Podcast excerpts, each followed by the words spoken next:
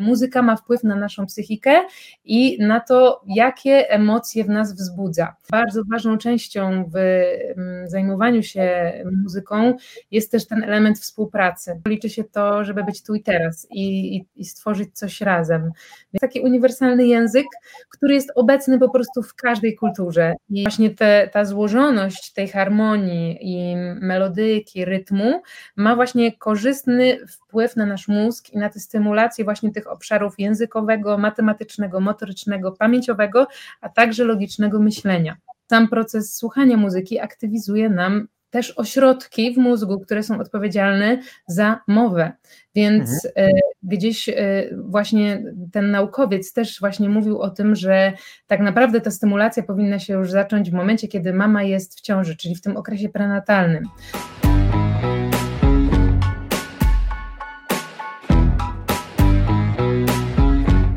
Dzień dobry, dzień dobry. Witam Was bardzo serdecznie. Jeżeli jesteś pierwsza z naszym kanale, to mam nadzieję, że zagościsz tu na długo, długo, dlatego po odcinku zasubskrybuj nasz kanał, a jeżeli jesteś naszym stałym bywalcem i oglądaczem, to witam Cię też bardzo serdecznie. Dzisiaj kolejny odcinek trenerów umysłu rozmowy z ekspertem. A dzisiaj ekspert i to bardzo ciekawy, bo ekspert od muzyki, czyli Katarzyna Jankowska. Cześć Kasiu.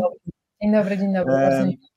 Kasia taka niepozorna, a tutaj mózg muzyczny e, naprawdę wielki, genialny. E, przede wszystkim jesteś według mnie, przede wszystkim, może według Ciebie nie, to, to, to nie popraw, ale przede wszystkim dla mnie e, jesteś wokalistką zespołu Słodaje, które to zespół uwielbiam. Mam nadzieję, że za jakiś czas dowie się o nim cały świat. Czy ktoś wsiada, czy zostaje, ja wybieram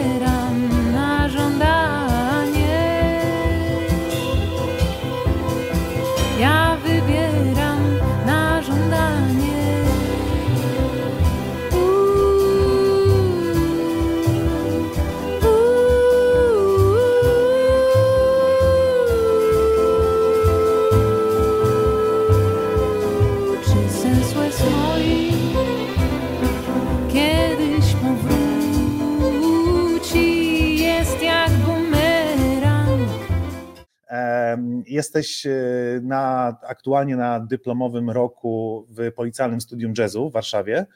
E, jesteś e, również mm, w zespole Quattro Formaggi, jeżeli dobrze, dobrze pamiętam. Tak, tak, tak. Tak, tak. I generalnie muzyka, muzyka, muzyka. Jeszcze udzielasz lekcji z, z muzyki, z gry na klawiszach, ze śpiewu, e, więc generalnie chyba ta muzyka wypełnia całą Twoją przestrzeń. Czy tak jest? Tak, to prawda, ale jeszcze dodatkowo tylko dodam, że, że też jestem logopedą klinicznym i e, aktualnie jestem na studiach magisterskich na Uniwersytecie Warszawskim właśnie na kierunku logopedii ogólnej i klinicznej, więc gdzieś tam ta muzyka, ale też e, to działanie głosów, taki jakby od tej strony bardziej anatomicznej i fizjologii głosu też gdzieś nie jest mi obce, ale generalnie jest to wszystko wokół muzyki i głosu skupione, więc tak. Wszystko okay. się Obok, czyli, czyli rozumiem, że obszar yy, broka na przykład w mózgu nie jest ci obcy.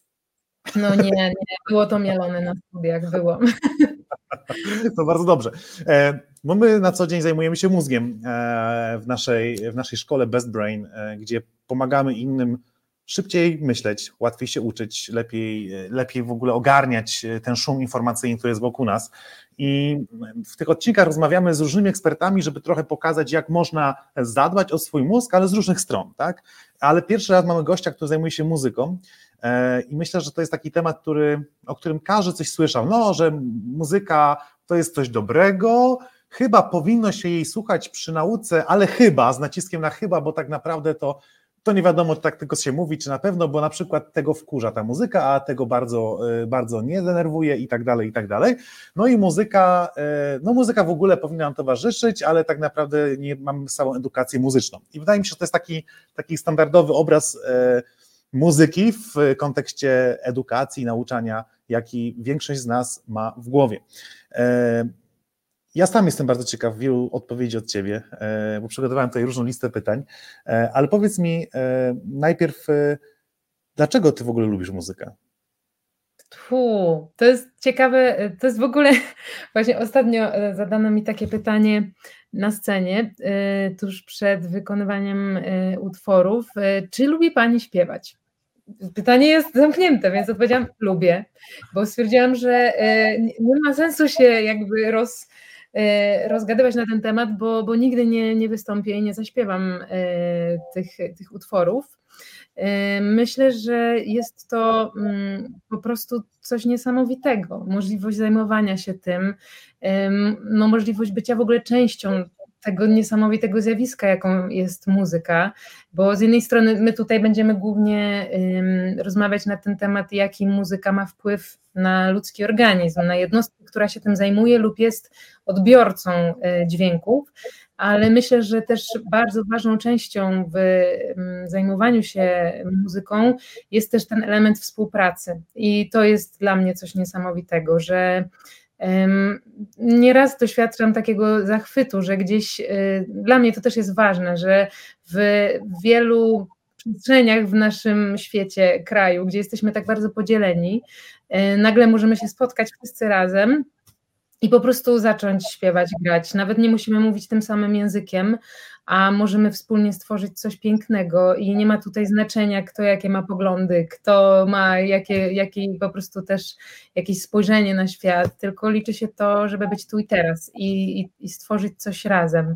Więc myślę, że to jest też no, niesamowite pod tym kątem, że to jest taki uniwersalny język, który jest obecny po prostu w każdej kulturze i, i jest też bardzo ważny, zarówno w kulturze też polskiej, gdzie wspólne muzykowanie, teraz zaraz przyjdzie y, Boże Narodzenie, Wszyscy wiemy, jak ważny jest ten element śpiewania kolęd w domu, tak? Nawet choćby po Wigilii, czy, czy chociażby muzyka jako element ym, też obrządków religijnych, tak? choćby w, kości w kościele katolickim, wierze katolickiej, która jest najbardziej y, popularną religią w Polsce, myślę, że to jest w ogóle element liturgii, muzyka, który też gdzieś tam y, podnosi gdzieś tam taką estymę i, no i sprawia, że gdzieś tam różne uroczystości mogą być dużo bardziej podniosłe, uroczyste, więc myślę, że muzyka ma mnóstwo funkcji, a ja się tym po prostu zajmuję, no bo gdzieś mnie to po prostu pociągnęło, pochłonęło, a jednocześnie też e, gdzieś zobaczyłam, że, że mam ku temu jakąś łatwość i umiejętności, które chciałam po prostu rozwijać. Z pięć wątków mam już w głowie po Twojej wypowiedzi, ale nie, nie, tylko niektóre są na mojej liście, więc mam nadzieję, że, że, że zdążymy do nich wrócić. Ja tylko dodam, że e, pewnie jak, jak słuchasz tego odcinku, to jesteśmy już po Bożym Narodzeniu, także nie zdziwić, wiesz, że te odcinki są nagrywane e, w różnym czasie i być może już z 10 lat później, kiedy oglądasz ten odcinek, e, mhm. ale, ale ta wiedza, ta wiedza myślę, że jest ponadczasowa. Mhm. Pewnie za, za 20 lat od, od dnia dzisiejszego, w tym momencie, kiedy nagrywamy, mamy końcówkę 2023 roku, a jeżeli oglądasz ten odcinek w 2033 roku, to myślę, że tylko jeszcze bardziej można e, potwierdzać te tezy, które będziemy, o których dzisiaj będziemy mówić. E, Katarzyna, powiedz mi, e, powiedz mi w takim razie, czy ty masz z domu to wyniosłaś, żeby się zająć tą muzyką, żeby uczęszczać do tej szkoły muzycznej, nie wiem, twoi rodzice jakoś śpiewają, grają na instrumentach, rodzeństwo, e, dziadek, babcia, czy po prostu jesteś taką pierwszą i w ogóle stwierdziłaś, ach, będę grała? Nie, no myślę, że y, to musi być jakoś tam, jakaś stymulacja, jakieś ten popchnięcie musi być y, na tym etapie wczesnym, bo gdybym ja sama miała pewnie o tym decydować, to znaczy nie wiem, może, może by mnie to jakoś pochłonęło tak czy siak, ale myślę, że ten element stymulacji i stworzenia dziecku takich warunków ku temu, żeby mogło się rozwijać, czy nawet zasugerowania tego w jakikolwiek sposób jest bardzo, bardzo ważne, bo ja jestem z rodziny, e, w której gdzieś ta muzyka była obecna. Mój tata grał na gitarze, też śpiewa bardzo ładnie. Jest totalnym pasjonatą, nigdy się w tym kierunku nie rozwijał. E, ale ma gdzieś tam e, umiejętności. Z kolei moja mama, którą bardzo serdecznie pozdrawiam, e, też bardzo lubi śpiewać, chociaż znana jest historia, kiedy moja mama, gdy byłam mała, śpiewała mi kołysanki, a ja mówiłam, nie śpiewaj, nie śpiewaj, więc generalnie gdzieś może już wtedy byłam jakoś wrażliwa na tym punkcie, no ale też jestem z dużej rodziny, więc moi rodzice po prostu posyłali moje rodzeństwo starsze. E, I myślę, że to był po prostu jakiś taki element zajęcia czasu dzieciom, e, okay. że gdzieś tam czegoś się nauczą, a jeszcze w sumie sobie będą grać i nie będą się nudzić i rozrabiać, e, więc po prostu po kolei wszystkich nas wysyłali do szkoły muzycznej, e, no ale też to nigdy nie było na żadnym przymusie, jakby my sami w pewnym momencie naprawdę chcieliśmy grać i, i to robić. Nie każdy z nas poszedł w tę stronę już na późniejszych etapach, ale no dwa na cztery, y, że tak powiem, z mojego grona y, rodzeństwowego, no jesteśmy w tym i y, gdzieś pozostaliśmy w tej już sferze zawodowej, mm, ale myślę, że każdy z nas, mogę się wypowiedzieć na spokojnie w imieniu mojego całego rodzeństwa, jest wdzięczny za to, bo wiadomo, że to też wymaga dużego poświęcenia od strony rodziców. Ja to też były troszkę inne czasy, jednak mimo wszystko, i wtedy nie było aż tyle zajęć dodatkowych, możliwości chodzenia na jakieś ogniska czy indywidualne lekcje. Raczej popularny był ten motyw wysyłania dzieci do po prostu szkół muzycznych. No a to naprawdę była jak druga szkoła, więc rodzice muszą jeździć, musieli zawozić, czekać na nas, te zajęcia często były do późna, więc y, myślę, że to, że to jest duże poświęcenie z obydwu stron w takim procesie jakby mm, wspierania dzieci na tej drodze muzycznej, ale z pewnością mogę powiedzieć, że jest to warte tego wysiłku. Zadałem to pytanie y, z dwóch pobudek. Pierwsze z ciekawości, ale po drugie też w takim kontekście sobie myślałem, jak powiedziałeś, jak, mam, jak teraz słucha, słucha nas jakiś rodzic, który, e, który chce zainwestować w rozwój swojego dziecka, no i ma ofertę bardzo szeroką tych zajęć, oczywiście zajęcia bez brain, które prowadzimy, wiadomo, one rozwijają ogólnie mózg i, i, i pomagają w nauce, no ale no nie, nie samym bezbrainem żyje człowiek, że tak powiem. I, i ta szkoła muzyczna myślę, że u wielu się jawi, że to musi być jakieś dziecko, które jest uzdolnione, które naprawdę wykazuje jakieś e, ponadprzeciętne zainteresowanie muzyką, jak jest małe. E, I czy ty jesteś tego zdania, że to tylko takie dzieci powinny e, kształcić się muzycznie, czy właściwie każde dziecko powinno spróbować chociaż przez te pół roku pouczyć się grać na jakimś instrumencie, bo to go po prostu rozwinie? Jaki masz zdanie na ten temat? Myślę, że w ogóle jest to temat rzeka i że otworzy, otwierasz tutaj troszkę taką puszkę Pandory, zwłaszcza w tym naszym środowisku, w tym naszym środowisku muzycznym, e, bo mam mnóstwo rozmów z moimi znajomymi, którzy y, no, gdzieś tam są też na takich już szczeblach dyrektorskich na przykład, że, że zarządzają jakimiś szkołami muzycznymi. E, I, I zawsze jest ten temat, czy dzieci w pierwszej klasie powinny mieć egzaminy. Czy to powinno już po prostu od takiego wczesnego etapu startować z takiej pozycji egzamin, e, czerwony stolik, prawda, komisja, te dzieciątka, 6 lat wychodzą, no przecież to są po prostu... tak rzeczywiście jest teraz, tak? E, tak, mówię o takim, e, że tak powiem, powszechnym, e, powszechnej edukacji muzycznej, bo to tak teraz, bo to tak w ogóle wyglądało zawsze, że mhm. już pierwsza klasa, 6 lat, tak, pierwszy egzamin, komisja, stres, nie, po prostu niewyobrażalny. Ja mam mnóstwo wspomnień, jak te łapinki po prostu spocone, zimne na kaloryferze, po prostu, żeby one jakkolwiek tam się rozgrzały, żeby móc nimi jakoś tam ruszać na tej klawiaturze i razem z moimi znajomymi wspominamy to jako po prostu niepotrzebną w ogóle traumy, niepotrzebny stres, zwłaszcza na takim etapie, kiedy no ma się naprawdę 6 lat i y, gdzieś tam to bardziej chodzi o to, żeby w tym dziecku rozbudzić tę pasję do tej muzyki. Więc ja jestem kompletnie zdania, że, y, że każdy po, może y, zacząć y, zajmować się muzyką, poznawać to, bo to jest, bo to jest naprawdę niesamowita przygoda.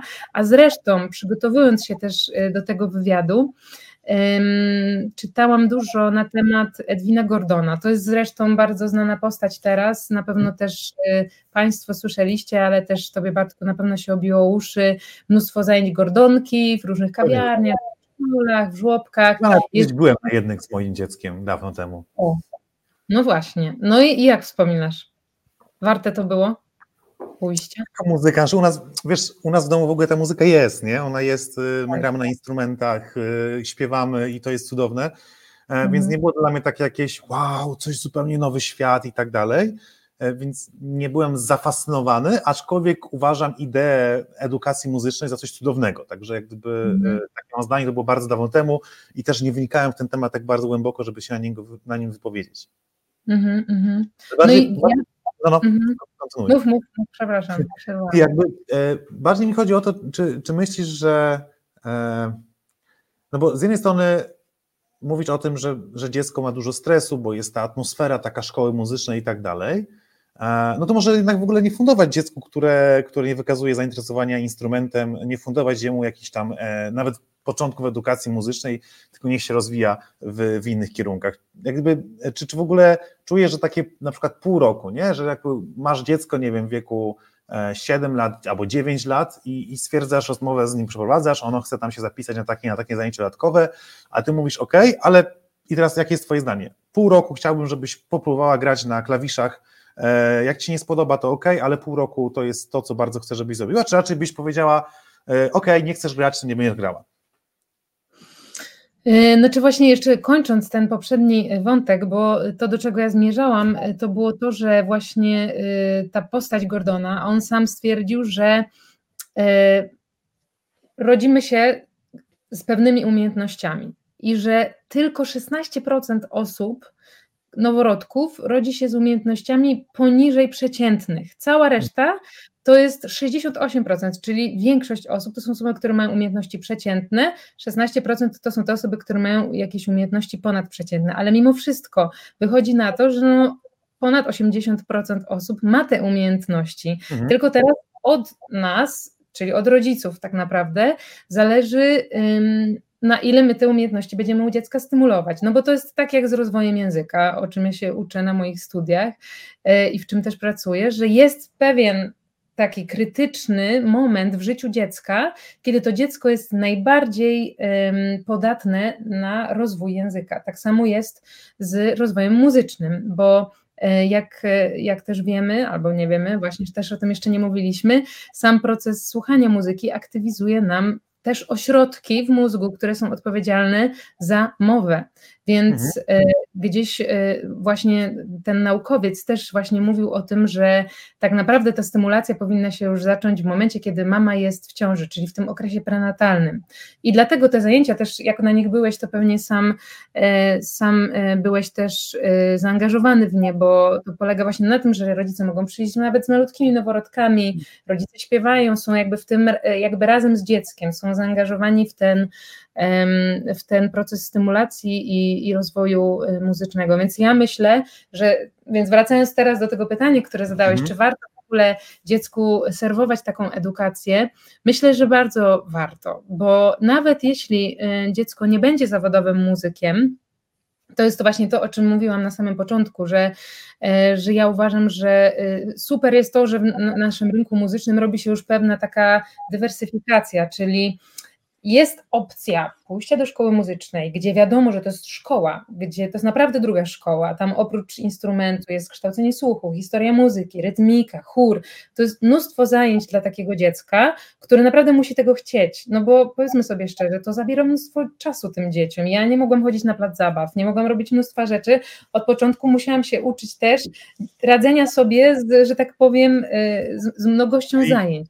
Czyli rozumiem, rozumiem Kasia, że, e, że jesteś, jesteś też fanką takiej opcji, że rodzic nas słucha i zaraz bierze telefon z twojej strony i dzwoni Kasia, Kasia słuchaj, naucz moje dziecko grać albo śpiewać, e, no, niech będzie miał dobrą atmosferę ja gdzieś, y, tak, tak na tym polega moja praca zawodowa. Ja aktualnie właśnie udzielam lekcji, ale też pracuję w ognisku muzycznym, które kładzie nacisk właśnie na pasję, na to, mhm. żeby to była zabawa dla dziecka, że to nie musi być od razu ktoś, kto będzie, nie wiem, zawodowym muzykiem, będzie się tym zajmować, tylko jako właśnie etap stymulacji i jeden z elementów, w którym dziecko może się rozwijać, jasne, może, może takie zajęcia w ognisku będą pierwszym jakimś spotkaniem dla dziecka, które stwierdzi, tak, chcę się tym zajmować, chcę zawodowo to robić, ale myślę, że to jest po prostu super, że z dzieci na takim etapie jest zdjęta już taka presja, gdzie ono musi już tak bardzo wiele poświęcać temu i no i też właśnie, że to się wiąże z takim stresem, tylko robi się wszystko, żeby to było, żeby to się super kojarzyło, żeby to była zabawa. Właśnie ostatnio mieliśmy nawet audycję, znaczy koncert taki zwieńczający w, w, mojej, w moim ognisku muzycznym i to było cudowne, jak wychodziły te dzieci, grały na tam jakimś ukulele, śpiewały jakieś piosenki, to były dla nich pierwsze w ogóle występy y, i i to był wielki krok dla takich dzieci, samo odważenie się wyjścia na tę scenę, zaśpiewania, nie wiem, po prostu zrobienia tego, jak tam się da, ale ważne, że to się po prostu zrobi. Właśnie odbarczanie tego procesu edukacji muzycznej z takiego z perfekcjonizmu, z jakiegoś takiego udoskonalania, że to musi być idealne, oceniania też, które jest na tym etapie tak zupełnie niepotrzebne, więc myślę, że na pewno warto.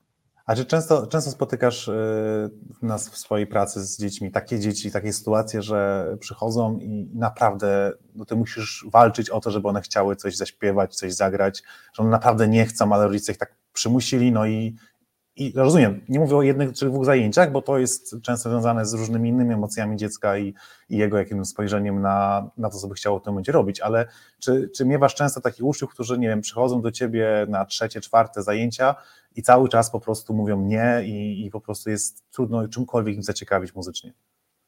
No właśnie, to jest bardzo ciekawe zjawisko, bo z reguły to są właśnie uczniowie, którzy chodzą do szkół muzycznych.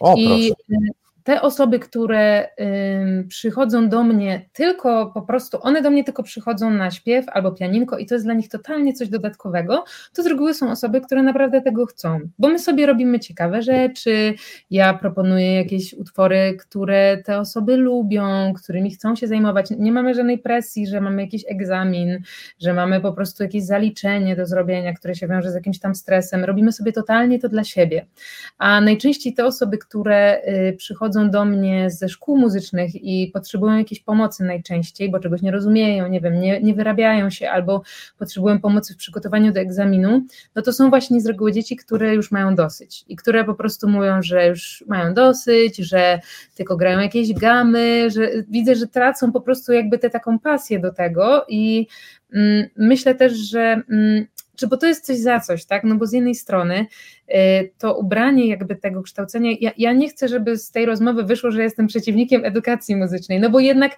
dzięki temu, przez co przeszłam, jestem teraz w tym miejscu, w którym jestem i jestem za to mhm. wdzięczna. Też wiem, że mi się też wiele razy nie chciało. Ja już. Nie, jakby słuchając Ciebie, ja to widzę tak, y, jeżeli nie, to nie popraw, że mhm. mamy, mamy tak naprawdę dwie ścieżki do wyboru. Nie możemy od razu tak dziecko posłać na super sportowca, turbo sportowca, czyli fantastycznego muzyka, który po prostu mhm. będzie się w tym kształcił, tak jak w sporcie może się kształcić całe życie i odnieść ten sukces, a może go nie odnieść. My słyszymy o tych, którzy odnoszą, odnoszą sukces i to się wiąże z wieloma wyrzeczeniami, z wielkim trudem i tak dalej, ale generalnie daje nam podstawy do dużo większe podstawy do tego, żeby potem rzeczywiście e, zrobić coś wielkiego, albo można traktować taką fajną pasję, z której może coś się więcej wykluje i wtedy przez to, że jest obarczone mniejszym naciskiem i taką formą, e, to może właśnie jest bardziej treściwe dla tego dziecka i daje mu więcej frajdy.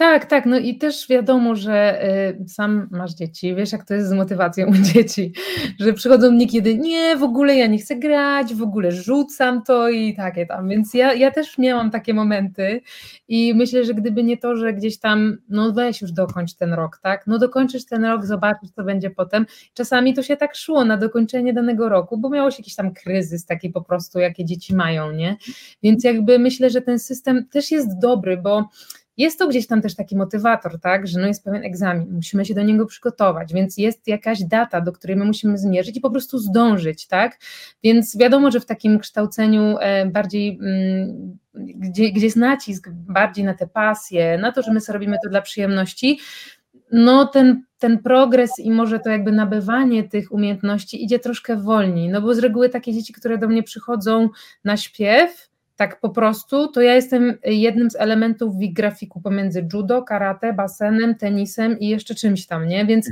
wiadomo, że, że po prostu dzieci mają teraz bardzo dużo takich aktywności pozaszkolnych i no po prostu nie ma czasu na to, żeby, żeby gdzieś y, się naprawdę skupić na tym, żeby w domu poćwiczyć, żeby może się przygotować do tej lekcji, a jak dziecko jest w tym kształceniu takim powszechnym, znaczy publicznym, że tak powiem, edukacji muzycznej, no to z reguły ono już troszkę nie ma innych aktywności, poza tym musi naprawdę znaleźć czas na to, żeby usiąść w domu, poćwiczyć pewne rzeczy i się po prostu do tej lekcji przygotować. Więc jest dużo większa szansa na taką regularność i pewną dyscyplinę po prostu.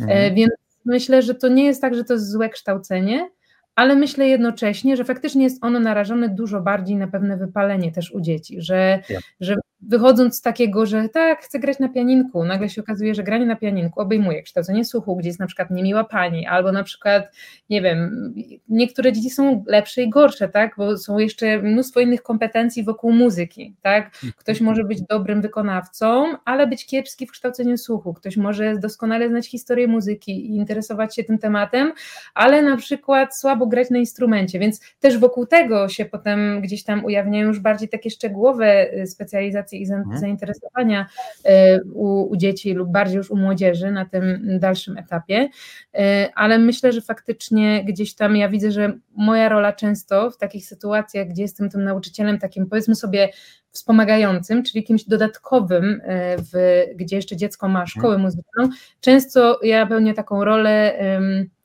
takiej trochę przypominajki na zasadzie, słuchaj, w ogóle to jest fajne, nie? Dawaj, spróbujemy się pobawić tą muzyką, w ogóle pograjmy sobie coś, co ty po prostu lubisz. I najczęściej ja pełnię rolę właśnie trochę osoby, która przypomina temu dziecku, że w ogóle to przecież ty to lubisz robić, przecież to jest w ogóle super. I ja, szczerze mówiąc, najbardziej lubię taką rolę, bo ja sama żyję z pasji po prostu do, tej, do, tej, do tego, co robię, więc cieszę się wtedy, kiedy mogę tym dzieciom przypomnieć, bo pamiętam sama swoje kryzysy różne, które miałam na tym na tej drodze. Jasne. Dobra, wyjaśniliśmy sobie, jak można się kształcić muzycznie i to jest super. E, chciałbym, żebyśmy trochę porozmawiali też o, o tym w ogóle, jak muzyka wpływa na mózg i w ogóle po co się jej uczyć, no bo mm, fajnie, że mamy możliwości, możemy zrobić to bardziej radykalnie, bo na miękko e, i super, że możemy i ja bardzo do tego też, też zachęcam. E, jeszcze odnosząc się do śpiewania dziecku, które jest w łonie mamy, ja mam, ja mam, ja mam też, e, też e, rodzeństwo i ja jestem jedynym, który jest bez talencie muzycznym. E, i jak gdyby, kiedy kiedy mój brat czy moja siostra śpiewali po prostu od razu wszystko w dźwiękach, bez fałszu i tak dalej, to ja tak łopatologicznie zawziąłem się, że muszę i ćwiczyłem, i ćwiczyłem latami, i fałszowałem, i w końcu się nauczyłem. Gdzieś tam dostałem łaskę od Pana Boga, że teraz jakoś czasem mi wyjdzie zaśpiewać, zagrać na gitarze i nawet niektórzy są w stanie mnie słuchać i, i z uśmiechem na ustach, ale było to kupione latami pracy. I zadałem sobie takie pytanie w sumie, dlaczego tak jest, nie? że że mój brat po prostu, no jak, jak, dla mnie to po prostu słuch prawie genialny, bez jakiegoś treningu, nie? E, mhm. I uświadomiłem sobie, że kiedy e, moja mama była w ciąży z moim bratem, on jest dużo młodszy ode mnie, to bardzo dużo grała na gitarze. Właściwie co dwa razy w tygodniu grała i śpiewała z gitarą na tym mhm. brzuchu. Mhm. I stwierdziłem, że chyba, a jak ja byłem w brzuchu mamy, to wtedy nie grała jeszcze na gitarze. Grała, ale to bardzo sporadycznie, nie? I stwierdziłem, że być może ten szczegół dużo zmienił. Ale potem sobie myślę, no tak, ale moja siostra jest starsza ode mnie i ona też ma łatwiej niż ja, ale nie tak łatwo jak mój brat, więc chyba, chyba jednak to śpiewanie e, i granie na gitarze, kiedy e, Tobiasz był jeszcze w łonie, w łonie mamy naszej, kochanej, którą serdecznie pozdrawiam, e, wpłynęło, wpłynęło mocno na, na jego rozwój, mhm. jego mózgu w tych kompetencjach, kompetencjach muzycznych. Ale powiedz mi, mhm. no bo wiemy, że że tak, że muzyka no to się łączy bardzo z naszą prawą półkulą, tak? Zawsze, kiedy mówimy o efektywnej nauce, e, na przykład map myśli, których uczymy, e, one, one angażują lewą i prawą półkulę po to, żeby mózg działał w całości, żeby w ciele modelowatym, czyli tym pomoście łączącym lewą i prawą półkulę zaczęło tam iskrzyć, że tak powiem, obrazowo i zaczęło ten mózg całkowicie pracować. No i generalnie zawsze się wkłada, że muzyka, no to jest ta prawa półkula, tam słabiej z reguły rozwinięta u ludzi, e, taka bardziej artystyczna, a nie logiczna, nie stricte matematyczna. Czy rzeczywiście tak jest, że ta muzyka stymuluje prawą półkulę, czy też lewą?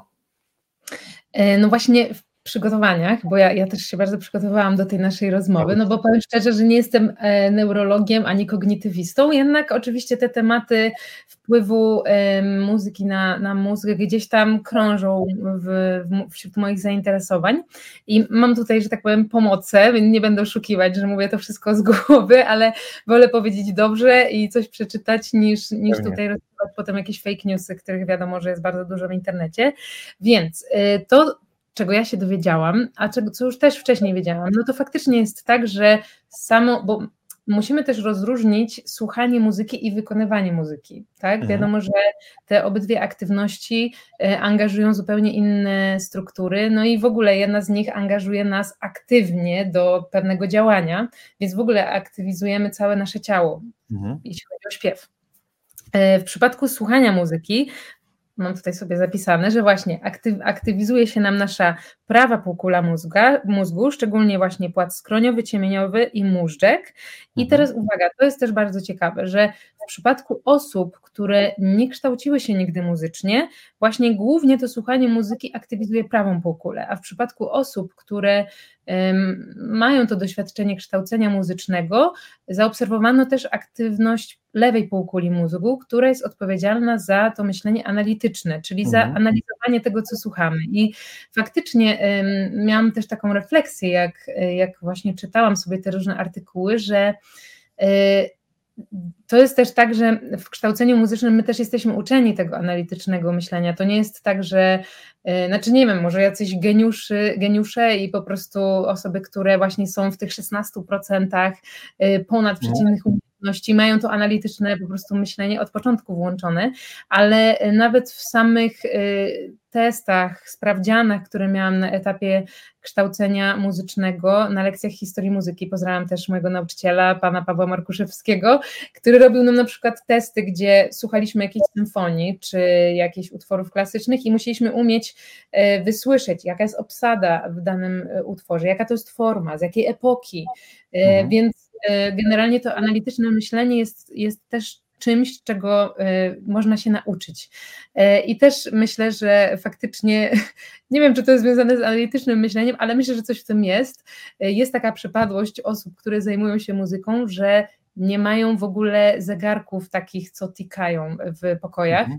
Mnie to osobiście doprowadza do szału, bo jak ja słyszę takie równomierne tykanie, to ja od razu zaczynam sobie się zastanawiać, jaki to jest mniej więcej y, tempo, jaki puls, zaczynam sobie wystukiwać do tego tykania zegara jakieś od razu rytmy muzyczki, więc mnie to, mnie to od razu bardzo dekoncentruje, więc myślę, że faktycznie y, sama tego doświadczam, że dużo bardziej się analizuje tę muzykę, jak się jej słucha, przez co muzyka, która nie jest taka atrakcyjna dla mózgu, która ma dużo mniejszą jakąś tam różnorodność, dużo mniej jest ciekawa pod kątem rytmicznym, melodycznym, jest po prostu mało atrakcyjna. Mhm. Więc Super. myślę, że to też pokazuje to, jak bardzo też ten y, y, gust muzyczny się kształci pod wpływem też kształcenia muzycznego po prostu. Bardzo cieszę się z tego, co mówisz, bo e, to jest bardzo spójne z tym, co, co my obserwujemy mhm. właśnie na kursach z dzieciakami, ponieważ przez nasz cały kurs e, Best Brain Iceberg są wykonywane testy, które są po prostu normalnymi ćwiczeniami, ale one pokazują potem procentowo, żebyśmy mogli porównać dziecko do jego własnych wyników, tak? bo, bo nie, nie, nie chcemy porównać dzieci między sobą, bo to jest bez mhm. sensu, tylko do jego wyników. Jednym z tych testów jest test uważności słuchowej. Tak? I on polega na tym, że czytamy krótki tekst, który jest naszpikowany różnymi informacjami, czasem bardzo dziwnymi i tak dalej, i potem dziecko ma pytania, odpowiada na pytania do tego tekstu. I z reguły yy, z naszej obserwacji wynika, że tam właśnie powiedzmy te 16% osób, e, tak, tak obrazowo między 10 a, a, a 15% dzieci ma całkiem całkiem spoko rozwiniętą e, pamięć słuchową. Mówię całkiem spoko, takiego kolokwializmu użyłem, ale mhm. nie jest to super rozwinięta pamięć słuchowa. Tych takich turbo super to jest, e, to jest nawet czasem mniej niż te, niż te 15%.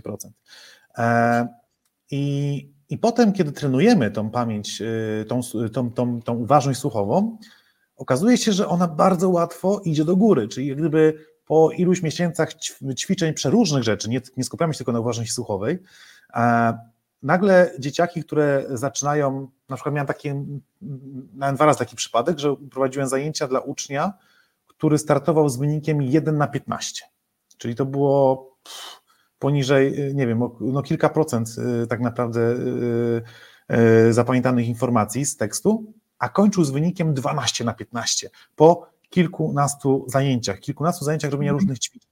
Czyli to obrazuje, że rzeczywiście da się to wyćwiczyć, czyli jest pewna analiza e, słuchowa, którą można wyćwiczyć, a która jest nietrenowana. I teraz, to co zauważyliśmy, i to jest to, o czym chcę powiedzieć do, do Twojej odpowiedzi. Te wyniki ponadprzeciętne, czyli jeżeli robimy pierwszy test pamięci e, słuchowej, uważności słuchowej i dziecko uzyskuje wynik na poziomie 80-90%, co jest turbo rzadkością, to jestem prawie pewien, że on się kształcił muzycznie. I to się często mhm. potwierdza. Tam się, słuchaj, czy ty mhm. grasz na instrumencie? Tak. E, mhm. Albo jesteś w szkole muzycznej? Nie, ale śpiewasz. No tak, do, na chór chodzę, nie? I jak gdyby to się bardzo, bardzo spina i nie zawsze, ale bardzo często jest właśnie tak, że ja mogę założyć się z kimś i na podstawie wyniku testu jestem w stanie powiedzieć, czy on ćwiczy, ćwiczy muzycznie, czy on się mhm. rozwijał muzycznie. Dlatego z moich, z moich obserwacji e, ten trening muzyczny to jest trening właśnie działania całego mózgu, nie, nie tylko tej prawej półkuli, ale łączenia prawej i lewej półkuli, bo wtedy e, jesteśmy w stanie e, pracować efektywnie. A powiedz mi, czy ty masz łatwość do języków obcych, jeżeli masz tak super rozwinięty słuch? Znaczy, Y, ja na pewno mam łatwość do akcentów. Nigdy dla mnie problemem nie było. Y, znaczy, ja też lubię y, udawać różne głosy i widzę, że też mam łatwość do tego, ale na pewno jeśli chodzi o akcenty, w ogóle nie miałam problemu z jakimś francuskim czy coś. Widzę, że, że jest to dla mnie dużo łatwiejsze i faktycznie to bardzo pomaga w językach obcych. W ogóle mhm. taka wrażliwość słuchowa. Ja też w ogóle mi się łatwiej uczy, jak ja mówię na głos do siebie różne rzeczy. Dużo łatwiej zapamiętuję po prostu z tych bodźców słuchowych, więc myślę, że, y, że tak, że to ma na pewno duży wpływ na naukę języków. Super, super, bo jakby wydaje mi się, że to jest bardzo prosta rzecz, żeby ją wytrenować, nie? że mhm, jakby tak. dać dziecku instrument, zapewnić mu parę lekcji, e, żeby, żeby, żeby pograł i, i żeby on, on zaczął troszkę inaczej stanować ten mózg, nie? E, można robić też na, na inne sposoby. E, my, my zobaczyliśmy, nawet napisałem e, książkę Efektywna nauka, naucz dziecko słuchać uważnie. E, mhm. Ona tak naprawdę zawiera jedno ćwiczenie, to o którym powiedziałem, czyli tekst i pytania. Ale wiem, że jeżeli dziecko przejdzie kilka, kilkadziesiąt takich tekstów, e, to jego mózg zacznie inaczej uważnym być na dźwięki, nie? Mm. Więc, e, więc jak gdyby możliwości treningu tych, tej pamięci słuchowej, tej, tego, nie pamięci słuchowej, uważności słuchowej jest wiele i wydaje mi się, że to, co to, to może dać dziecku, jest w ogóle nieporównywalnie większe od tego, ile musimy włożyć, włożyć do pracy. E, I, I powiedz mi, bo jeszcze e, jeden, jeden fajny wątek poruszyłaś, znaczy wiele poruszyłaś, ale jeden, który taki jest dla mnie bardzo, bardzo ważny, bo porównałaś, że e, muzykę do muzyki, że muzyka muzyce nie jest równa, że jedna muzyka może być właśnie, mieć bardzo złożoną strukturę, jak to to nazwiesz, nie, nie będę tutaj się ośmieszał przed tobą, a może być muzyka, która, ja tak to czuję, jest taka płaska dla naszego mózgu, tak? I, i rzeczywiście tak jest, tak? I która jest dobra, a która jest y, ta, ta, ta płaska? E, no właśnie, e, też y, będę tutaj korzystać z e, informacji, które znalazłam na stronie Ani Weber. Pewnie też jest znana Państwu, ona też i Tobie, ona też działa bardzo mocno właśnie w no, w tym kierunku popularyzowania wiedzy na temat właśnie jakościowej muzyki, na temat właśnie tego, jak bardzo ważna jest ta edukacja muzyczna. E, no, cały ten termin wychowania przez sztukę, no to w ogóle jej, jej zawdzięczamy. E, I ja też właśnie Unii na, e, w jakichś artykułach przeczytałam na temat High Information Music. I to jest w ogóle Panie termin, tak, mi się już w ogóle on obił dużo wcześniej, du, dużo jest właśnie na temat jego róż, różnych artykułów, bo jest to po prostu mm, pewien, pewien termin na muzykę, która jest angażująca dla słuchacza. Czyli jest to muzyka, która ma złożoną harmonię, nieoczywisty rytm, duża zmienność w melodii, w dynamice, w rytmie. I no, od razu pierwsza rzecz, która mi przyszła na myśl, jeśli chodzi o, o, o taki gatunek muzyczny, no to jest oczywiście muzyka klasyczna. Mhm. ale również muzyka jazzowa, w której e, jednym z właściwie budujących elementów e, w tym gatunku jest improwizacja, czyli no coś, co jest e, najbardziej nieprzewidywalnym, że tak powiem, elementem w muzyce, ponieważ zależy po prostu od intencji wykonawczej i, i stylistycznej mm, muzyka. Okay. Więc. No a płaska muzyka. No to, radio i to jest ta płaska mhm. muzyka, ten pop cały, tak? Znaczy, y, ja nie chcę wrzucać jakby popu do, do jednego wora, tak, że, że to mhm. jest płaska muzyka. To bardziej chodzi o to, że y, Inną sprawą jest to, że po prostu jest y, w radiach mamy zjawisko pewnego spłaszczenia dynamiki, tak? No bo generalnie gdybyśmy po prostu w radiu puszczali muzykę klasyczną, tak jak ona została nagrywana, jak jest na koncertach, to byśmy cały czas musieli ściszać albo podgłośniać nasze radioodbiorniki, tak? Bo mhm. tam są tak duże jakby po prostu różnice dynamiczne, że w no, różnych platformach streamingowych, w radiu też jest pewne spłaszczenie dynamiczne które po hmm. prostu ma ułatwiać nam odbiór jakby tej muzyki. E, ma to pewne właśnie plusy z tego, że nie musimy cały czas manipulować naszymi urządzeniami, ale no minusy są takie, że gdzieś tam to też jest pewne zubożenie na tym tle dynamicznym, na pewnym rozróżnianiu też dynamiki w samej muzyce. E, więc to jest jeden z elementów, który po prostu jest wspólny dla słuchania muzyki przez radioodbiorniki, e, ale myślę, że y, no gdzieś tam po prostu można sobie samemu odpowiedzieć na to pytanie, co jest zubożającą, że tak powiem, muzyką. Wszelkie Y, stałe rytmy, bardzo uboga harmonia, oparta na trzech funkcjach. Y, no też myślę, że w przypadku piosenek, jeśli nie mówimy o muzyce tylko stricte mhm. instrumentalnej, bardzo istotna jest też treść przekazu, co, co właściwie jest w słowach danej piosenki, na ile rytmy są no bardzo proste, gdzieś tam oczywiste. No myślę, że każdy z nas może sobie sam teraz odpowiedzieć na to pytanie, co jest tą muzyką, która jest prosta i niezbyt no może dla naszego mózgu.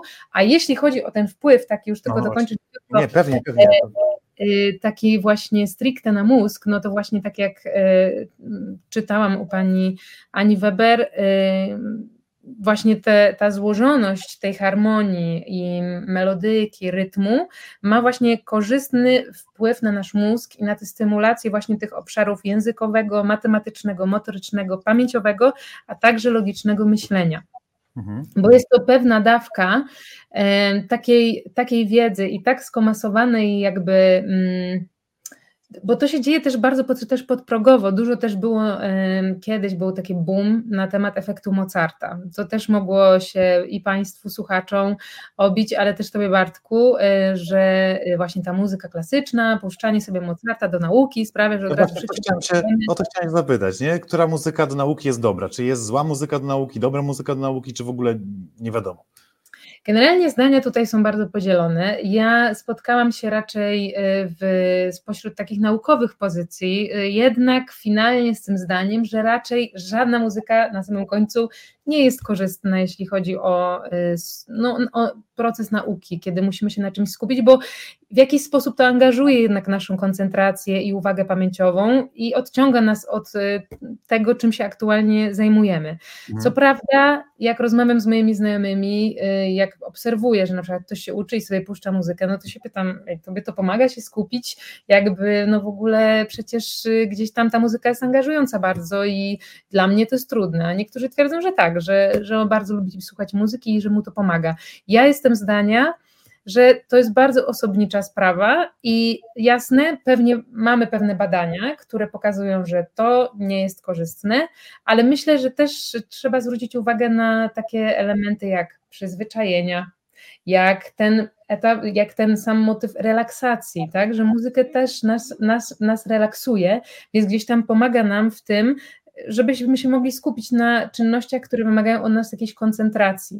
Więc myślę, że są te elementy, które jednak nam pomagają w tej nauce, chociaż ja osobiście jestem zwolennikiem tego, żeby y, uczyć się do, do, do ciszy, ale sama korzystałam z takich y, playlist na YouTubie, półtorej godziny, tam Mozart i w ogóle coś tam Brain, coś tam i w ogóle, więc, y, więc mam poczucie, że mi to pomagało się skupić ale nie wiem na ile to była taka gdzieś tam sugestia i tak zwany placebo. Super, bardzo się, że tak odpowiedziałaś, bo e, ja tak to z punktu widzenia zupełnie nie muzycznego, tylko z punktu widzenia eksperckiego i od efektywnej nauki, czym zajmuję się od lat, e, widzę tutaj dwa aspekty. E, nie ma, nie ma czegoś takiego jak podzielność uwagi. E, odsyłam Was do, do naszych wcześniejszych filmów, e, gdzie, gdzie, gdzie o, tym, o, o, o, tym, o tym też mówimy. Czyli jest tylko przerzutność uwagi. Czyli jeżeli my chcemy skupić się i na muzyce, i na nauce, to de facto musimy rozproszyć naszą uwagę i przeskakiwać między muzyką a nauką, co finalnie może powodować, że osłabiamy umiejętność uczenia się w tym momencie. Ale z drugiej strony, co powiedziałaś, chodzi o pewne przyzwyczajenia, czyli możemy wytworzyć pewien bodziec, który aktywizuje nasz mózg do zadania, które za chwilę będziemy wykonywać. Czyli jeżeli e, na początku będzie nam trudno, ale na przykład uczymy się e, do jakiegoś konkretnego przedmiotu, czyli na przykład rozwiązujemy zadania matematyczne i wtedy puszczamy sobie muzykę Mozarta. To okaże się za tydzień, dwa, miesiąc, pięć miesięcy, w zależności jak będziemy to intensywnie robić, że wystarczy włączenie muzyki Mozarta, a nasz mózg od razu się przełącza na myślenie matematyczne. I to jest, to jest jak gdyby też bardzo dobre, więc możemy wytworzyć sobie nawyk, który pomoże nam bardzo szybko przełączyć się w myśleniu nienaukowym na naukowe. Możemy rozróżniać, y, że nie wiem, zawsze jadąc samochodem takiej muzyki słuchamy i to nam może w pewnym momencie pomóc, y, pomóc inaczej odnajdywać się za kierownicą samochodu, a inaczej na przykład, y, kiedy puścimy sobie muzykę, nie wiem, do gry w planszówki razem z dziećmi, nie? że zupełnie inaczej się wytwarza atmosfera, bo mózg zawsze potrzebuje pewnego kontekstu. Więc ja też jestem tego zdania, co powiedziałaś, że jest to bardzo indywidualna sprawa. Bardziej się zastanawiałem, czy są badania, które to negują albo potwierdzają. Rozumiem, że są takie, które negują, ale niekoniecznie jest tak, że za każdym razem jest to coś złego. Tak, y, ale właśnie chciałam też powiedzieć o tym, że są badania, które też mówią o tym, że faktycznie jest muzyka, która nam szkodzi która oprócz tego, że oczywiście możemy słuchać po prostu muzyki w super głośnych warunkach, e, co generalnie po prostu ma niezbyt korzystny wpływ na nasz układ słuchu, to generalnie są badania, które mówią o tym, że muzyka e, też wzbudza w nas emocje. I to jest w ogóle już inny temat, na który mam nadzieję, że jeszcze zdążymy przejść, e, ale mm, gdzieś to w ogóle jest e, też motyw znany od dawna. Ja też właśnie jak się przy, przygotowywaliśmy do tego i też zgłębiałam ten temat, to pamiętam, że też już na etapie mojej edukacji takiej w drugim stopniu mnie bardzo zainteresował ten temat, jak w czasach antycznych już postrzegali to, e, że muzyka ma wpływ na naszą psychikę i na to, jakie emocje w nas wzbudza. Mhm. Więc to też pod tym kątem ma znaczenie, jakiej muzyki słuchamy, bo okay. nie chcę krytykować typu gatunków, nie wiem, metal, hard rock. Ja nie słucham takiej muzyki, ale generalnie były badania, które dowiodły, że no właśnie takie utwory, w których jest bardzo intensywny rytm, gdzie są, są bardzo podbita jest linia basu, e, gdzie jest bardzo, bardzo intensywna dynamika, e, wzbudzają w słuchaczu agresję, też podkręcają odczucia stresu, więc zarówno mamy muzykę, która nas relaksuje i gdzieś tam wpływa korzystnie na, nasz, na naszą psychikę i, i odczuwanie, nie wiem, przyjemności, tak samo jest muzyka, która może nakręcać nas w tę stronę po prostu właśnie agresji i napięcia pewnego. Także... Ja wykorzystać to w drugą stronę, rozumiem, że też jest taka tak, muzyka, tak, tak. która daje nam szczęście, tak? Tak, tak, oczywiście, oczywiście. I też właśnie. Ale daje nam szczęście tak subiektywnie, czy rzeczywiście powoduje wytwarzanie jakichś hormonów y, uważanych za hormony szczęścia? No właśnie, y, generalnie mamy też y, cały, że tak powiem, całą zbitkę różnych substancji, które się wydzielają pod wpływem bardziej pod wpływem, dużo więcej jest tego pod wpływem śpiewania niż samego słuchania muzyki, okay. ponieważ pod wpływem śpiewania wydziela się, oprócz tego, że wydzielają się oczywiście endorfiny, czyli nasze hormony szczęścia, wydziela się też oksytocyna, dopamina, serotonina, następuje też e, wstrzymanie wydzielania się e, e, kortyzolu, więc generalnie jest to wszystko to, co wpływa na nasze poczucie szczęścia, przyjemności, zadowolenia, też przywiązania bo mm, generalnie y, już przechodząc na temat stricte związany ze śpiewem, głos też jest taką bardzo ciekawą, nazwijmy to sobie strukturą, która jest bardzo, albo bardziej cechą, która jest bardzo osobniczo związana z każdym człowiekiem. Tak? Głos jest naszym, e, naszym jakimś elementem tożsamościowym. Po głosie jesteśmy w stanie kogoś rozpoznać. Głos jest też czymś, z czym się rodzimy. Nie możemy tego głosu wymienić. Więc bardzo ważne też jest to, że właśnie w tym etapie śpiewu i dzielenia się swoim głosem z drugą osobą, my się też bardzo otwieramy. Jakby to jest też wielki krok w jakieś takie no w ogóle na, na byciu po prostu też sobą i, i mhm. odważeniu do tego, żeby ten głos swój pokazać. E, ja bardzo często to obserwuję, że moje pierwsze lekcje z uczniami to jest dla nich taki stres, to jest po prostu, że oni muszą wyjść, przede mną teraz zaśpiewać i w ogóle, ale ja zawsze podkreślam to, że jestem z nich bardzo dumna i że to jest w ogóle wielki krok, że coś takiego w ogóle zrobili, bo e, dla każdego z nas bardzo też znanym e, zjawiskiem jest to, kiedy, nie wiem, nagrywamy się albo coś tam, potem słuchamy jakiegoś filmiku i mamy takie Jezu, to mój głos? Boże, ja tak mówię? O matko jedyna, jak ja tutaj brzmię. Bardzo często mamy do samych siebie jakiś taki wyrzut, że Boże, jaki głos, ja naprawdę tak brzmię, ja naprawdę tak mówię, więc myślę, że e, właśnie e, na tym etapie śpiewu, dlatego się uruchamia tyle tych naszych hormonów, które są odpowiedzialne właśnie za to odczuwanie przyjemności, relaksu, e, ponieważ gdzieś tam jest to naprawdę zjawisko, w którym my dajemy sobie przyzwolenie na to, żeby być sobą i też spotykamy się z akceptacją. E, znaczy, o ile, jakby jeśli się spotykamy z tą akceptacją, tak? Zakładamy, że są super przyjemne i dobre warunki, mhm. no to spotykamy z tą akceptacją, a jeszcze nie daj Boże, nie wiem, śpiewamy w chórze, tak? Czyli mamy wokół siebie inne osoby i tworzymy też po prostu jakąś społeczność dzięki temu śpiewaniu, no to w ogóle e, no, gdzieś tam odczuwamy też to poczucie wspólnoty z innymi osobami. To jest dzięki fantastyczne, czyli e, ja rozumiem, Kasia, że śpiewanie pod prysznicem jest super jest w ogóle super. W ogóle jest, nie wiem, czy jest taki film Woody'ego Allena, nie wiem, czy znasz, że ja nie pamiętam, jaki jest tytuł tego filmu, ale tam główny bohater jest oczywiście śmieszna historia, jak to Woody Allen. E, okazuje się, że ma wyjątkowy talent y, operowy, jak śpiewa pod prysznicem, ale kiedy nie ma tej kabiny, to nagle nie potrafi śpiewać, więc oni mhm. stwierdzają, że za każdym razem na scenę będzie wjeżdżać z kabiną prysznicową. Tak. Coś, co, co, coś kojarzę. Mhm. Tak, Czyli super. Ja, ja w ogóle tak y, y, też, też myślę, bo znowu wracasz do, do budowania pewnej społeczności, że, że, może, że jakby to jest w ogóle super w muzyce, że można śpiewać, ale przede wszystkim, że nie musisz nic mówić, ale już jesteś w społeczności z innymi. E, I nie wiem, czy wiesz, ale mm, Generalnie jest, jest kilka, e, kilka rzeczy, które bardzo mocno stymulują nasz hipokamp. Hipokamp, czyli tą część, która decyduje tak naprawdę o tym, e, taki filtr naszego mózgu, to co jest to, co przychodzi e, z zewnątrz i co idzie da, dalej jako informacja naszego mózgu i potem, potem jest albo pamięci krótkotrwałej, albo długotrwałej i tak dalej, czyli taka mega, mega ważna część naszego mózgu pod kątem uczenia się, zapamiętywania. I bardzo dawno to czytałem, ale tam było wymienionych kilka elementów, które bardzo mocno wpływają na aktywizację hipokampu i uwaga, chyba wśród pięciu było wymienione gra na instrumencie i spotkanie ze znajomymi. E, jak gdyby ja, ja mam wrażenie, że, że śpiewanie z kimś robi już dwie z pięciu głównych y, rzeczy, które aktywizują nasz hipokamp, więc jak gdyby to mi się bardzo klei i cieszę się, że do tego wróciłaś, bo od tego w sumie y, zaczęłaś y, nasze spotkanie, mówiąc o, o tym, że to jest fantastyczne. Ja też pamiętam gdzieś na jakichś pielgrzymkach, że e, spotykaliśmy się w takiej międzynarodowej społeczności, wszyscy znali tą samą melodię, każdy śpiewał w swoim języku, ale widzieliśmy, że jesteśmy razem, nie? I to było coś cudownego e, i, i, i bardzo, bardzo mocno to czuję. E, także e, myślę, że ten wymiar społeczny jest świetny, ale można zacząć pod prysznicem i też będzie dobrze, prawda?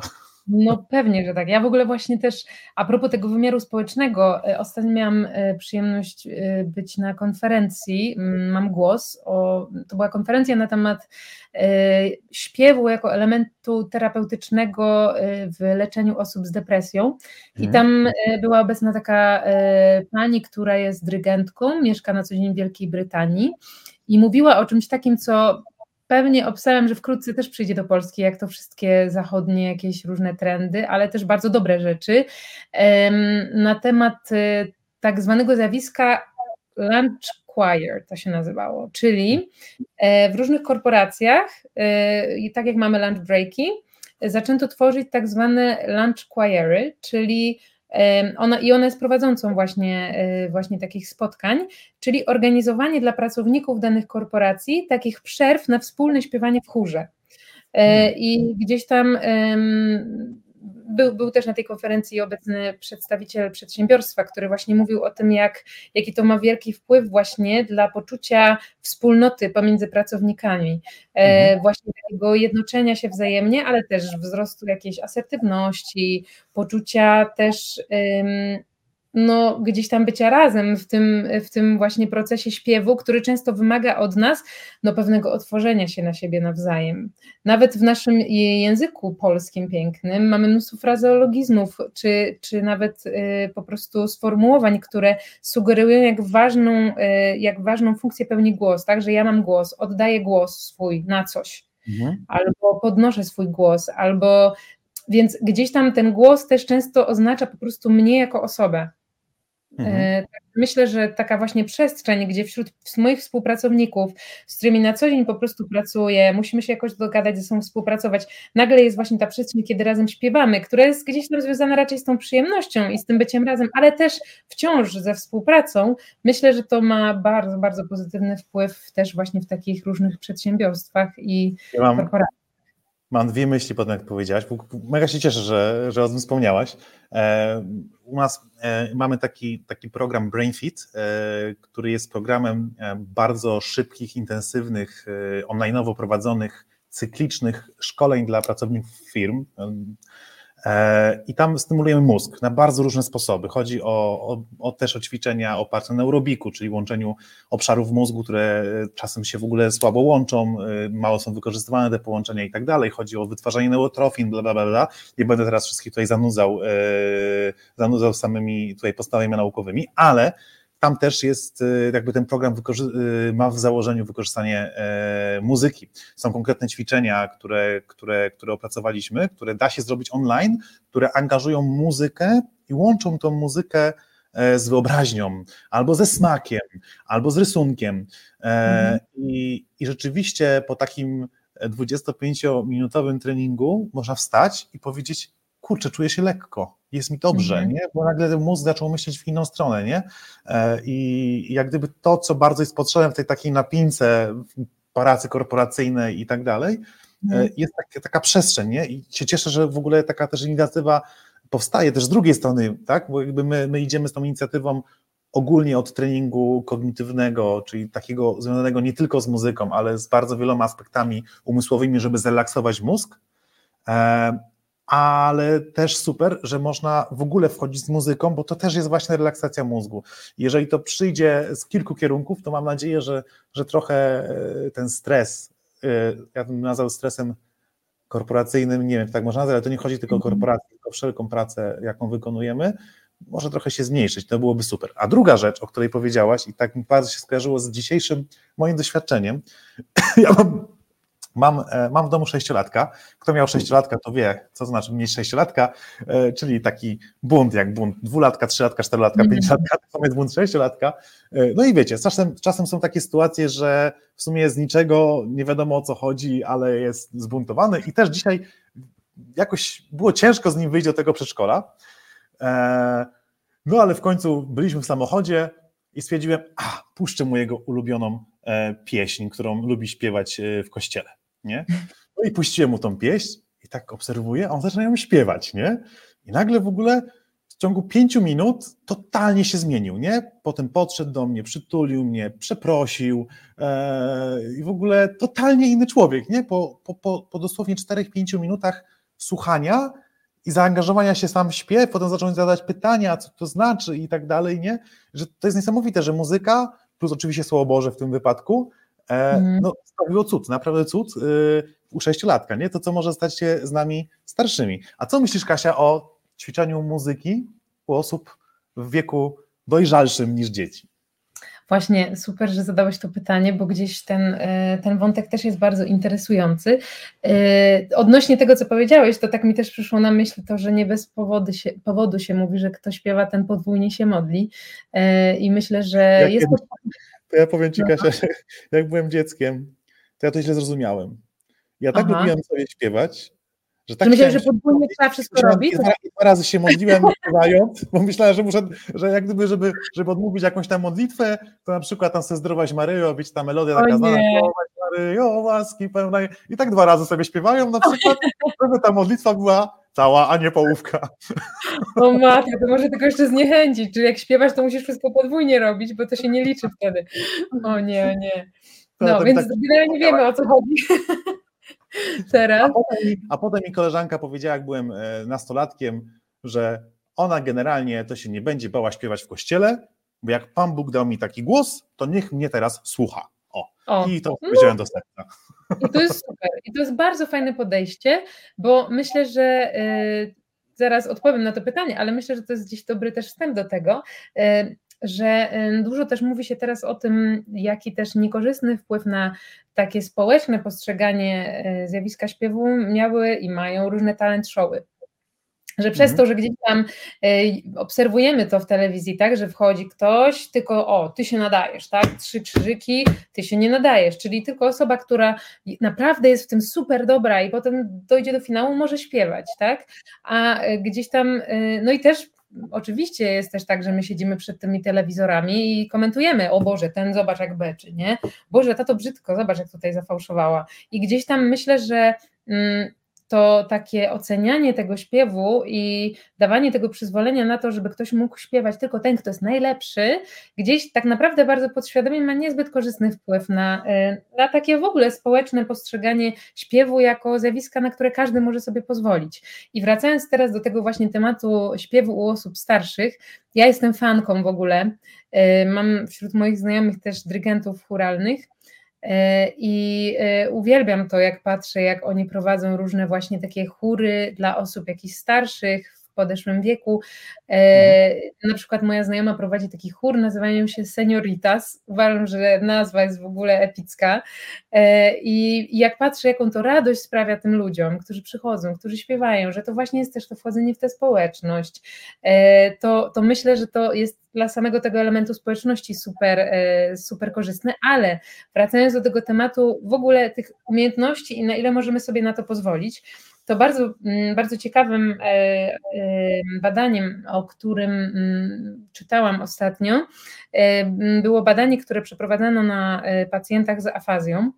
Mhm. Afazja to jest takie zaburzenie mowy, które występuje u osób po udarach, E, często, e, no tak, po udarach i e, często te osoby po prostu na nowo muszą w ogóle uczyć się mówić. Bardzo znane są też takie osoby w takim, że tak powiem, życiu publicznym, na przykład Krzysztof Globisz, taki aktor, on też właśnie przechodzi przez afazję, wraca powoli do, do swojego zawodu aktora, też mhm. chyba Tomasz Lis, też mi się wydaje, że przechodził przez afazję, więc jest to naprawdę no, poważne zaburzenie, które, które wymaga bardzo wiele pracy od pacjentów, pacjentów i właśnie robili takie badania, które, które pokazały, że, że dużo mniejszemu uszkodzeniu e, ulega właśnie e, umiejętność śpiewu niż mowy.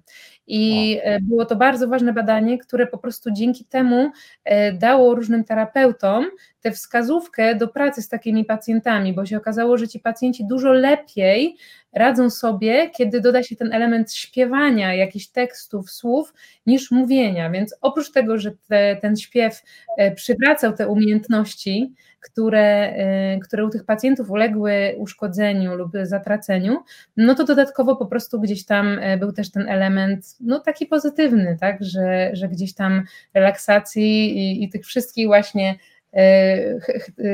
hormonów, o których już mówiliśmy, które się właśnie wydzielały. Więc myślę, że, że tak samo jest, jeśli chodzi o proces starzenia się. Znaczy nie myślę, tylko, tylko gdzieś też e, o tym mhm. czytałam, że, e, że wiek mm, ma dużo mniejszy wpływ na, na śpiew niż na mowę.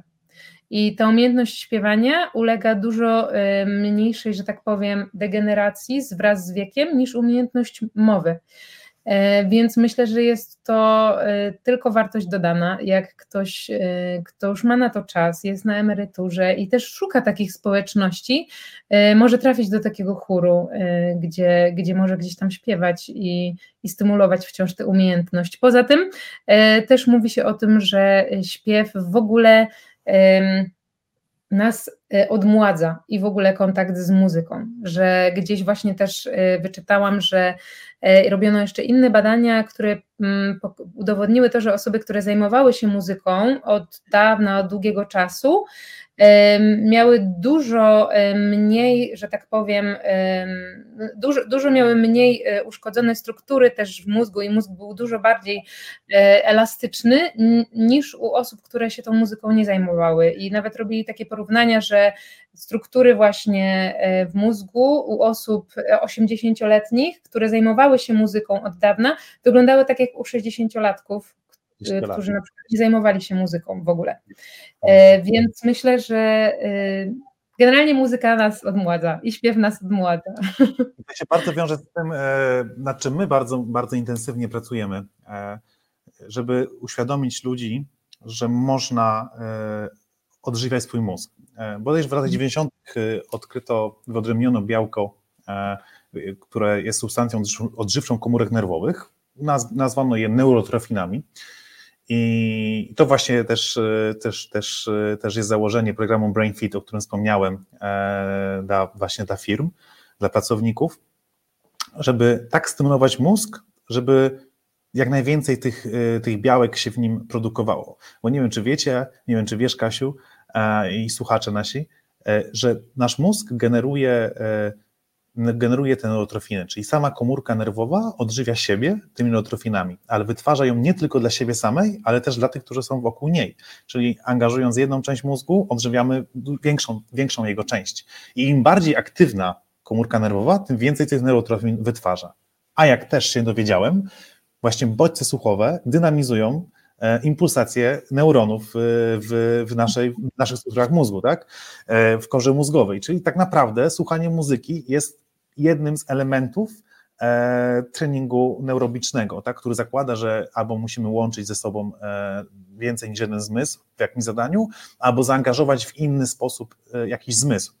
I myślę, że problem nie jest w tym, że, że muzyka jest jakoś dużo ważniejsza od matematyki, tylko problem jest w tym, że my matematyki się uczymy, a muzyki już niekoniecznie, że ona jest strasznie, ja mam takie poczucie, że muzyka jest tak zepchnięta w edukacji, no musi być, to już zróbmy tą lekcję, ale najlepiej, aby w ogóle jej tam nie było i potem bardzo cierpimy na tym, bo, bo, bo ona jest po prostu zaniedbana i ta część mózgu, która odpowiada za bodźce słuchowe e, jest bardzo słabo rozwinięta. I trochę wracając do początku naszej rozmowy, jak tak trochę brałem Ci pod włos i zadawałem e, pytania, E, czy warto posyłać dziecko na naukę muzyki i tak dalej, które oczywiście wiadomo, że, że warto, e, no właśnie dlatego, że bardzo to zaniedbujemy, jest to zaniedbane w edukacji. Jeżeli my sami się za to nie weźmiemy jako rodzice, no to nikt za nas tego nie zrobi, tak? Ale mam pytanie jeszcze, Kasia, do ciebie, czy ty w ogóle miałeś, masz jakieś doświadczenia na przykład w nauce śpiewu online albo w jakimś chórze śpiewającym online, że łączymy się, że się nie musimy spotkać. E, czy masz jakieś doświadczenie i co o tym w ogóle myślisz? E, znaczy na pewno w pandemii e, było takie zjawisko, że właśnie się tworzyły takie chóry online i ludzie tworzyli różne właśnie takie rzeczy kompletnie zdalnie, że ktoś nagrywał swoją partię, na przykład ktoś potem, ktoś to potem musiał scalić w jedno i były ikonki mnóstwa ludzi, którzy tworzą razem jakiś tam churalny, churalny utwór. Wiadomo, że to była jakaś, mm, jakiś substytut y, tego spotkania na żywo i obstawiam, że gdyby oni mogli się zobaczyć na żywo, to pewnie by to woleli zrobić na żywo. Ja generalnie jestem, ja uważam, że, że generalnie to działa. Można robić lekcje online i myślę, że jeśli nie ma takiej możliwości, żeby spotkać się na żywo, to jak najbardziej można też z tego czerpać korzyści. E, chociaż myślę, że nic nie zastąpi nam spotkania e, na żywo. Zwłaszcza e, raczej patrząc tak ze swojej, że tak powiem, perspektywy nauczyciela i logopedy, to dla mnie to jest po prostu o tyle ważne, że ja często też no, dotykam moich uczniów, no bo sprawdzam sobie ich napięcie mięśniowe w obrębie układu orofacjalnego, czy w obrębie po prostu też e, barków, klatki piersiowej i no, na, w formie online nie moglibyśmy tego zrobić, a to często jest bardzo ważne. Więc, no i poza tym też myślę, że to ta forma spotkania naszego face to face, gdzie możemy się po prostu poznać, e, jest zupełnie inna, kiedy możemy się zobaczyć na żywo, niż przez kamerkę. Mhm. Ale oczywiście myślę, że jeśli nie ma takich możliwości, to jest to i tak i tak dla nas wielkie błogosławieństwo, że istnieje internet, że możemy robić takie spotkania też w formie online, kiedy nie jest mhm. to możliwe, by spotkać się na żywo i też można z tego czerpać bardzo duże korzyści. Super. Kasia, czy jak występujesz w Słowo daje, to lubisz jak śpiewają z tobą razem, publiczność, czy nie? Ja uwielbiam to, to jest super, naprawdę. I nawet jeśli dziewczyny są takie, Boże, no ja nie wiem jak mam to, wiesz, ja nie śpiewam na co dzień, weź mi coś powiedz, jak ja w ogóle mam to zrobić? To i tak i tak nawet jeśli, to, to super, że każdy ma inny głos i że każdy jest niezastąpialny przez to. I nie możemy go zastąpić mną, czy kimś, kto śpiewa, nie wiem, moglibyśmy sobie wziąć, nie wiem, profesjonalny chórek, który na przykład śpiewa idealnie, ale to właśnie nie chodzi o to, żeby to było idealnie, tylko żeby to był głos tych konkretnych osób i myślę, że to jest w tym super. No i też super. takie jednoczące na pewno. Super. Kasia, bardzo dziękuję. Ja Państwa gościem była Katarzyna Jankowska. E, w tak. opisie, opisie do filmu, e, do tego nagrania znajdziecie link do, do, do, do strony Kasi. E, możecie, myślę, spokojnie się kontaktować też z Kasią, pytać się o edukację muzyczną dzieciaków. Myślę, że, że w miarę możliwości, Kasia, możemy liczyć, że wspomożesz naszych czy e, jakimś tam pokierujesz albo przyjmiesz na, na jakieś lekcje do siebie. E, znajdziecie też link do zespołu Słowodaje, e, żeby posłuchać, jaką muzykę wykonuje Kasia. Ja jestem jej wielkim fanem. Jestem wielkim fanem twojej piosenki Śniegi. Dobrze mówię na tytuł, tak? Tak. Wiem, wiem, że to jest twój tekst i ja jestem poruszony tym tekstem i, i, słuchałem tej piosenki mnóstwo razy, no ale Zupa jest najlepsza i wiadomo. Utwór Zupa, który jest szlagierowy, szlagierowy i, i fantastyczny. E, także wszystkie linki znajdziecie w opisie. Znajdziecie też link do naszego programu BrainFit, czyli nie tylko e, tego, z czego może nas kojarzycie, czyli zajęć dla dzieci, ale, ale to, jest, to jest produkt skierowany do firm, do pracowników, właśnie, gdzie też wykorzystujemy muzykę po to, żeby aktywizować, aktywizować neurony i odżywiać nasz mózg. Kasia, mam nadzieję, że kiedyś jeszcze zobaczymy e, online. E, bardzo Ci dziękuję, bardzo dziękuję za tę mnóstwą wiedzę, bo tak jeszcze na końcu lubię zawsze podsumować to i wyciągnąć z tego trzy chociaż wiadomości. Dla mnie to, co powiedziałaś, to najważniejsze było to, że muzykę najlepiej wykonywać, że najlepiej wykonywać ją nie samemu, ale z kimś. Tak jest. I po trzecie, że muzyka to jest tak jak zakochanie, bo produkujemy w tym wszystkie hormony szczęścia, które są nam potrzebne do życia. Mhm, zdecydowanie. Ja jeszcze też bardzo, bardzo dziękuję za to zaproszenie, za możliwość rozmowy. Mi po prostu ta godzina strzeliła jak z bicza, bo gdzieś tam to są tematy, które mnie super emocjonują i, i bardzo się tym pasjonuję, więc bardzo, bardzo dziękuję za tę możliwość, że mogłam o tym porozmawiać i, i bardzo zachęcam do śpiewania, do zajmowania się muzyką, bo je, tak jak z tej rozmowy y, wyniknęło, są same z tego korzyści i no i życzę wszystkiego, wszystkiego dobrego wszystkim osobom, które nas tutaj słuchały. Zaraz porozmawiamy, Kasia, y, już po, po nagraniu o edukacji muzycznej moich dzieci. Trzymaj się. Trzymajcie się. Dziękuję bardzo. Pa, pa, pa. Do usłyszenia.